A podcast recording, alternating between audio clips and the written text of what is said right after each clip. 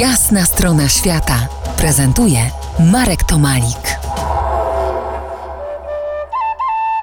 Moim gościem mieszkający na stałe na Jukatanie w Meksyku iberysta i filozof Jerzy Antoni Mrożek.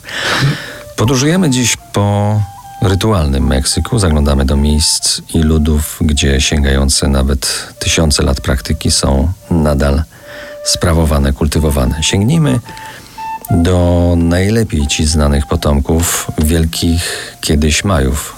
Dobrze znanych, bo mieszkasz wśród nich? Częściowo tak, rzeczywiście mieszkam na Półwyspie Yucatan od 14 lat, tak trochę pomiędzy nimi a, a światem, a, a światem bardziej, bardziej zachodnim, ale z nimi rzeczywiście, rzeczywiście mm, ten kontakt jest, jest bardzo bliski już od, od wielu lat i ta y, możliwość zobaczenia tego świata w sposób, w jaki oni ten świat y, oglądają jest niezwykle, niezwykle, niezwykle cenna, jeśli przetrwała, bo oni funkcjonują w naszym Y, w naszej rzeczywistości, w ramach państwowości, y, narodowości meksykańskiej, ale nie tracą tożsamości rdzennej.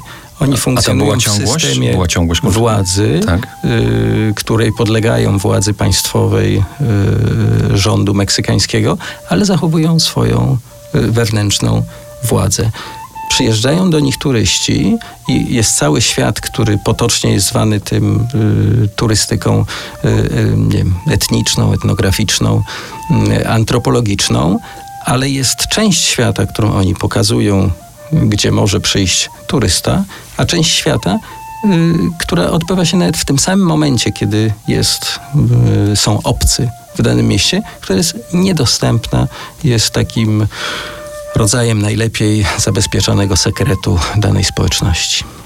W przeciwieństwie do omawianych dziś wcześniej Huccioli, Indian Sari czy Mazateków, dzisiejsi Majowie nie spożywają w czasie ceremonii środków wizjogennych.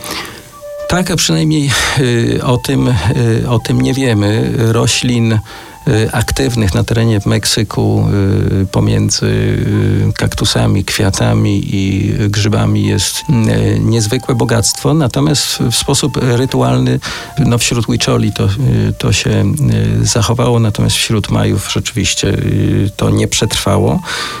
Natomiast coś, co jest niezwykle ważne, a mianowicie praca z ogniem, praca z tak zwanymi czterema żywiołami, ogień, woda, wiatr, ziemia, bliskość pracy z tą ziemią, uprawa tej ziemi, prośby o to, żeby ta ziemia rodziła, podziękowania dla tej mm, ziemi za wyżywienie, traktowanie jako systemu roślin, kwiatów, y, zwierząt jako wielkiej rodziny, to przetrwało do dnia dzisiejszego.